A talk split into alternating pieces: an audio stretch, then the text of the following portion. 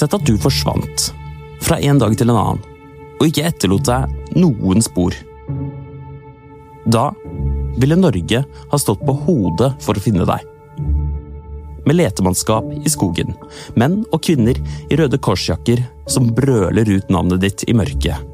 Politiet som følger alle spor. Og nettavisene fylt med bilder og overskrifter du ble sist sett. I hvert fall som vi liker å tro at det er. Hvert år forsvinner mellom 15 til 30 personer i Norge. Men ikke alle får en leteaksjon. Du blir jo ganske satt ut når, når du hører hvor mye hjelp andre får. Her har det ikke vært noen ting. ingen verdens ting. Man blir jo aldri ferdig med det før man eventuelt eh, finner den. Jeg heter Martin Holvik, og dette er en podkast i tre deler. Om en pappa, en kjæreste, en bror, og hva som skjer når ingen egentlig leter etter deg.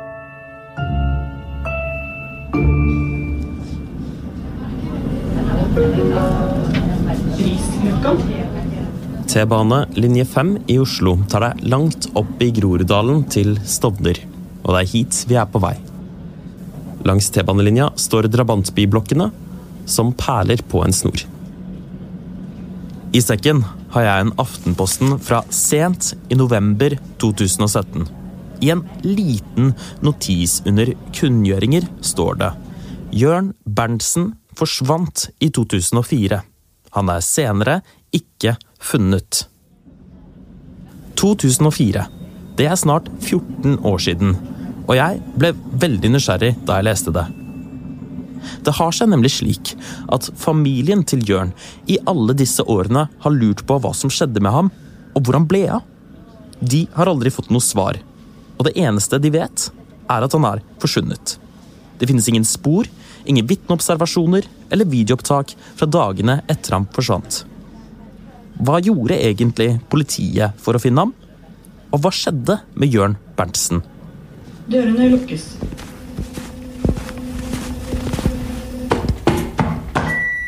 Ved den innerste betongblokka i et av borettslagene her på Stovner ringer jeg på dørklokka til Hege Himberg.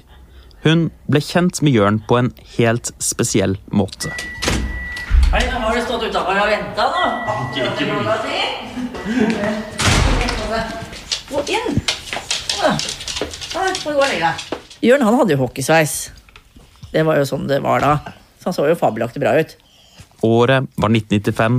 Hege var 24 år, og en kompis introduserte henne for Jørn. En høy, slank gutt, 24 år han også, med verdens største blonde, bustete pannelugg. Ja, alle, altså de fleste nabolagene her, liksom. Det er sånn eh, Retta seg fint opp når han kom og sånn. Eh, Jørn var kjekk. Hege jobbet som frisør, syklet til og fra jobben hver dag, og leiligheten var utstyrt med én viktig detalj. Ja, jeg var tydeligvis heldig som hadde badekar. Det var et bra sjekketriks, det, tydeligvis. Det var jo for det som kommer jo ganske ofte opp og bada, så det var jo en sånn greie innskyldning kanskje for å komme på besøk, da, men eh, badekar syns de var godt. Nå sitter Hege og blar gjennom bilder av Jørn på stuebordet.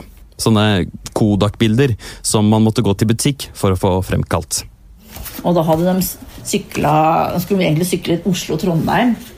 Mm. Uh, og han kom jo med den fineste rumpa ever. Ja, ja, ja. Det ble jo helt stille når han kom i bokseren ut fra soverommet. Da hadde jeg en venninne boende hos oss masa. Så jeg husker jo det veldig godt. Og jeg ble jo uhorvelig forelska. Det var med en gang. Ja. Hva var det, da? Hva var det med han? Nei, han var morsom. Han var Ja, alt, egentlig. Liksom, kom en, skulle være hos meg fem over to, liksom, og kom ni over to. Da hadde jeg kanskje grinet i tre minutter allerede. Ja, så forelska, ikke sant? Det var sånn Ja. Hege bøyer seg ned og bretter opp buksebeinet sitt. Jo da, men jeg har det her. Skal vi se. Og viser frem det hun har på ankelen. Her har vi det. Du har det på tatoveringen? Ja. Du har en tatovering hvor det står Jørn. 18. i 8. 2004. 18. august 2004, dagen da Jørn forsvant. ja, han kan nesten se hva du, du tenker. Ler av de samme tingene. Måten de liksom stryker av ved kinnene på. Jørn kom oftere og oftere på besøk. Hege hadde sine venner, og visste ikke så mye om livet til Jørn ellers. Annet enn at han sa han ville begynne på skole og bli murer. Og så gikk det jo kanskje et par måneder, så var jeg jo gravid. Det var jo toppen av lykken. og da ble det jo en skjønn liten jente ut av det. Han elska jo Liselotte. Ja, det var jo prinsessa hans, det.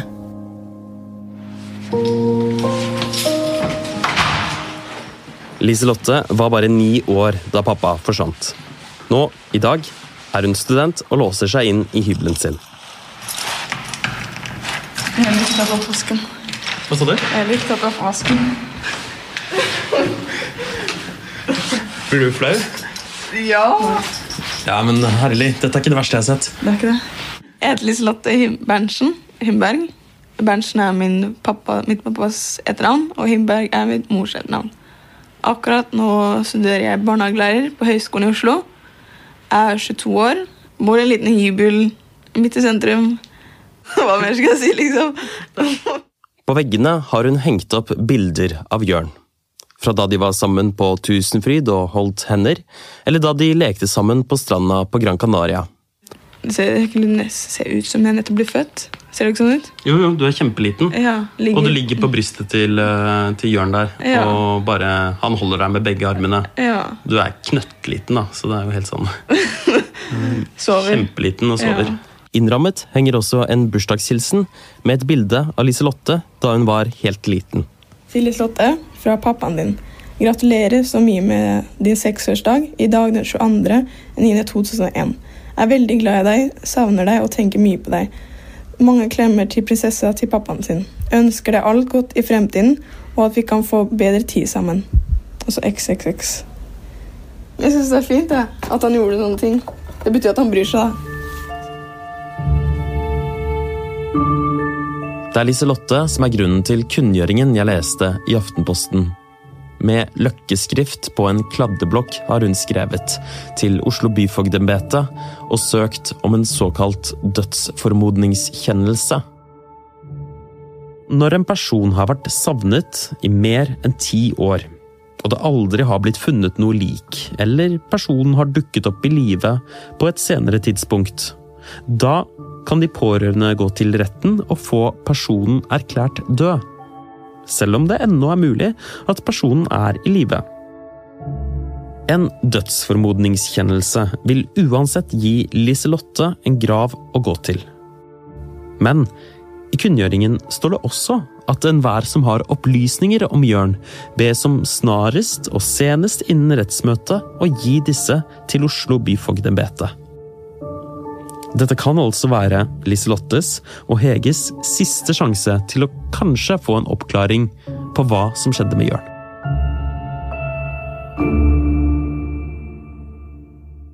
Han var jo, han var jo veldig glad i Liselotte.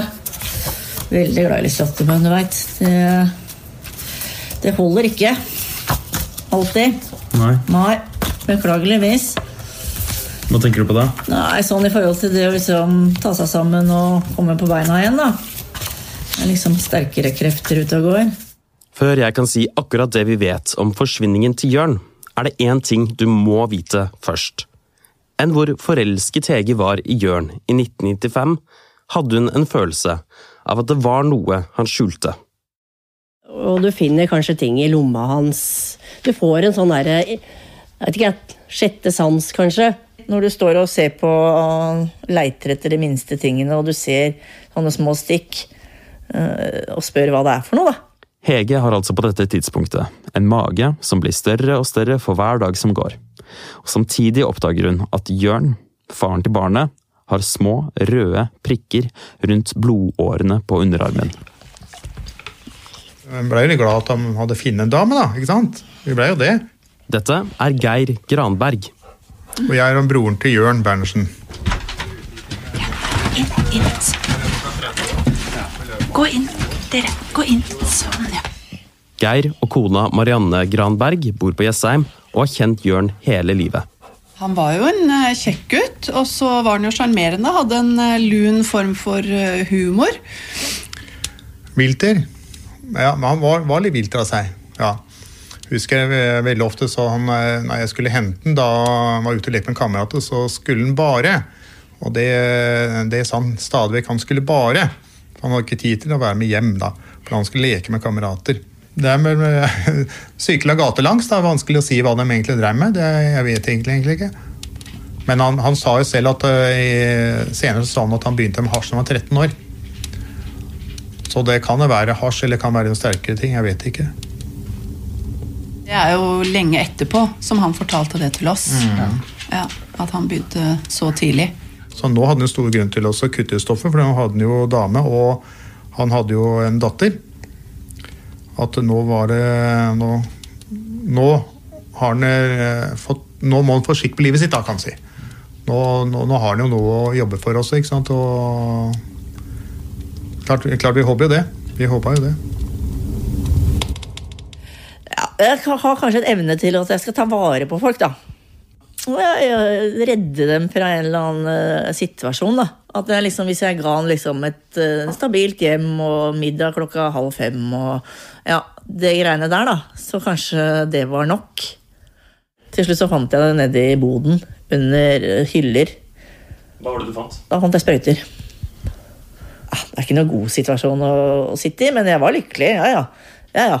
Dette, dette skulle gå bra. Sikkert I begynnelsen så var det sikkert kjempegøy å ruse seg. Men etter andre-tredje gangen med heroin, så er det ikke noe morsomt lenger. Det er, det er, det er som en sånn parasitt som bare, eh, oppsøker en av kroppen og bare blir sittende der.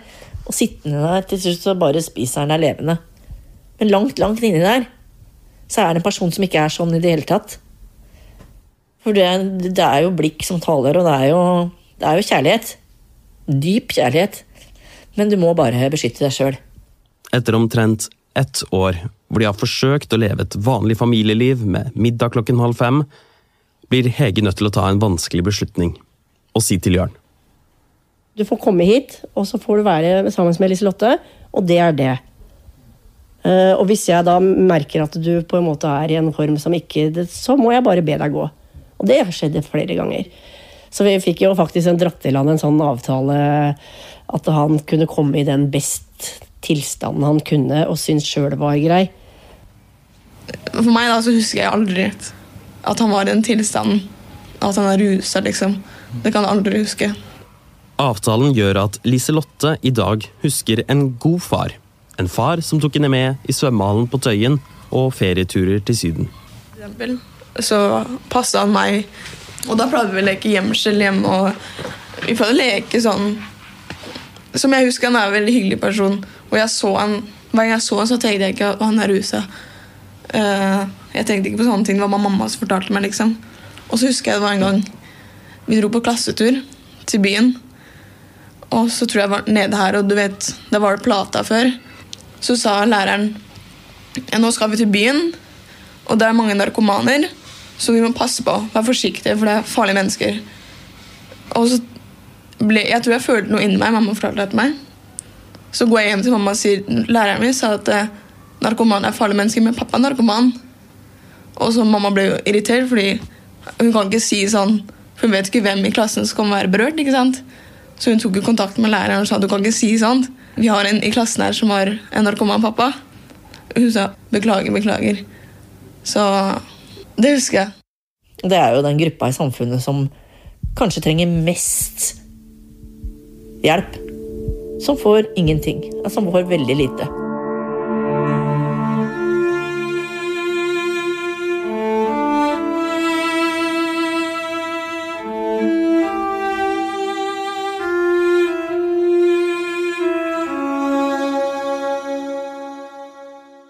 Ok, så dette vet vi om Jørn Berntsen.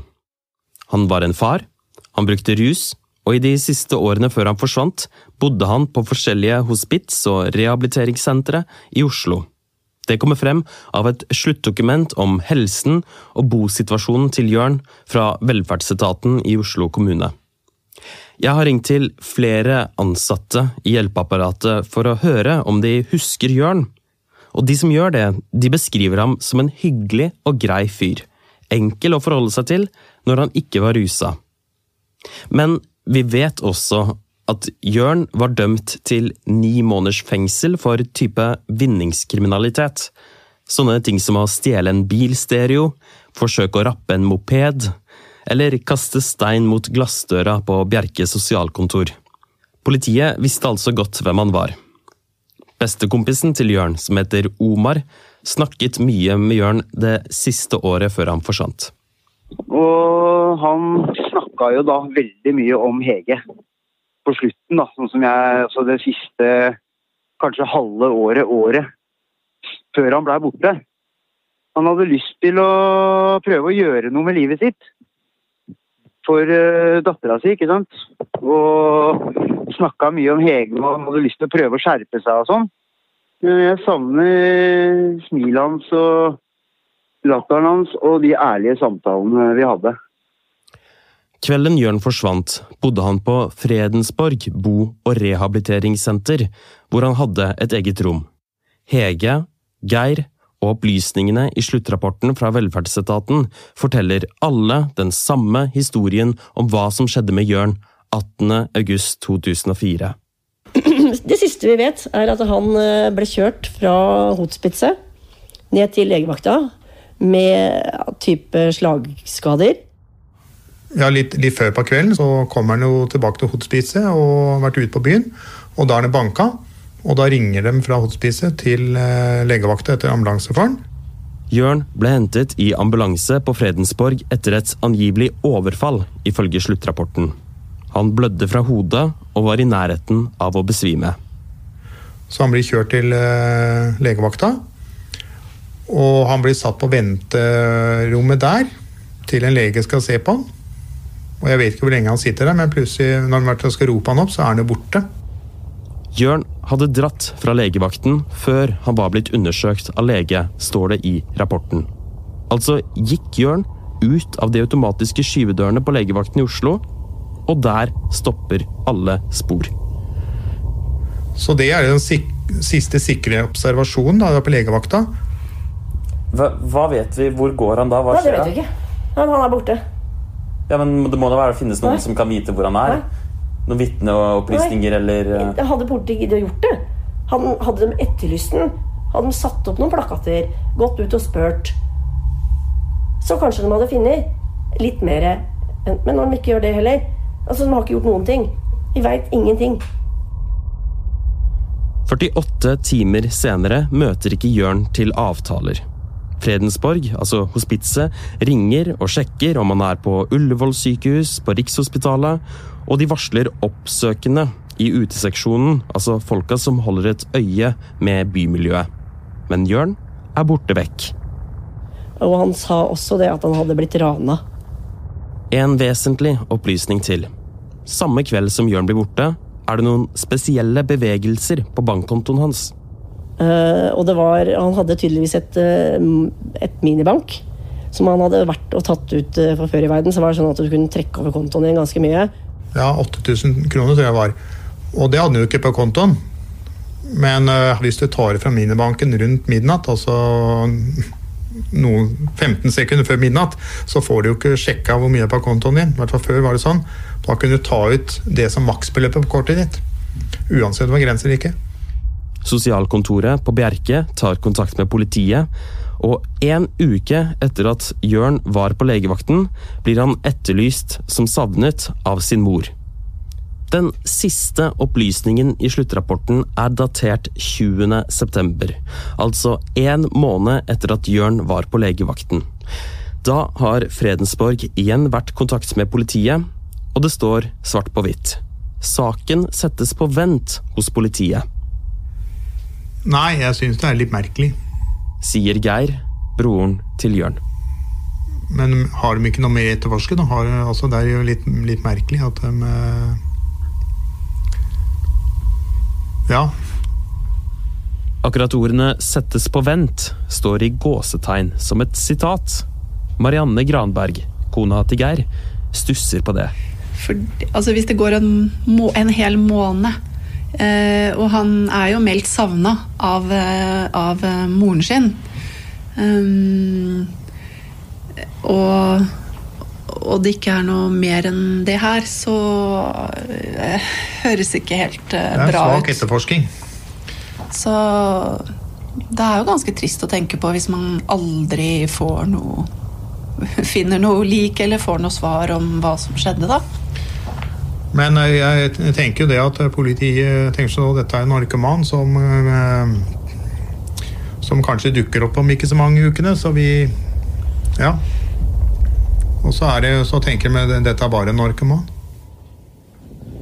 Nei, jeg hørte jo ikke noe fra politiet. Jeg hørte jo fra sosialen. Det var jo sånn vi fikk vite det. eh, At han var borte, for han hadde ikke vært og henta penga sine. Det var jo ingen som spurte om han liksom pleide å forsvinne, eller Nei. Det var, det var bedri, ja, bedrøvelig mottakelse vi fikk fra politiet. Hva husker du at de sa?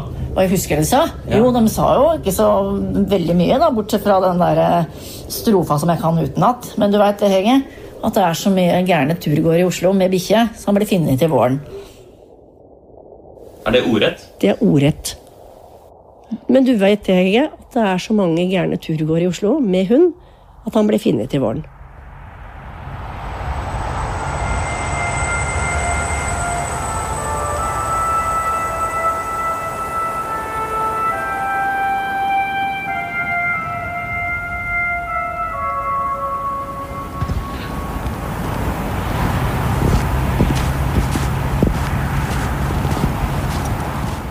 Går du en liten skogtur fra leiligheten til Hege, kommer du til en liten fjellknaus som hun og Liselotte kaller Utsikten.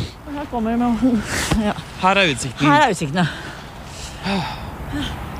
Her over furutoppene kan du se utover hele Haugenstua og Stovner, blokkene og motorveien. Det er hit de kommer når de tenker på Jørn.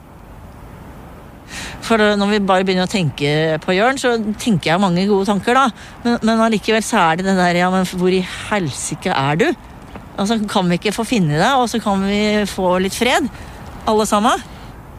Han tatt selvmord eller funnet inn eh, Ja, da er det greit. Det er greit. Man kan bli lei. Man kan slutte å orke mer. Det, det er helt innafor, det.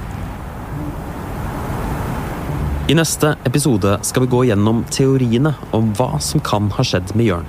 Hva ble de 8000 kronene som ble tatt ut av minibanken, brukt til?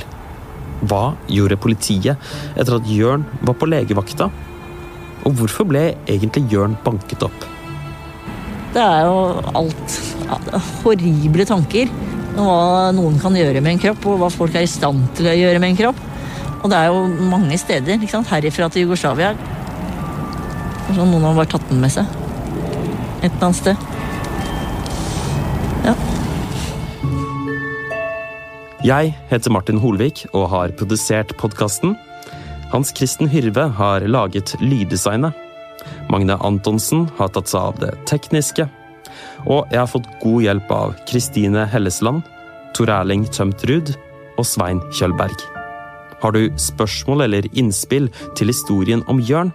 Ta kontakt med oss i VG.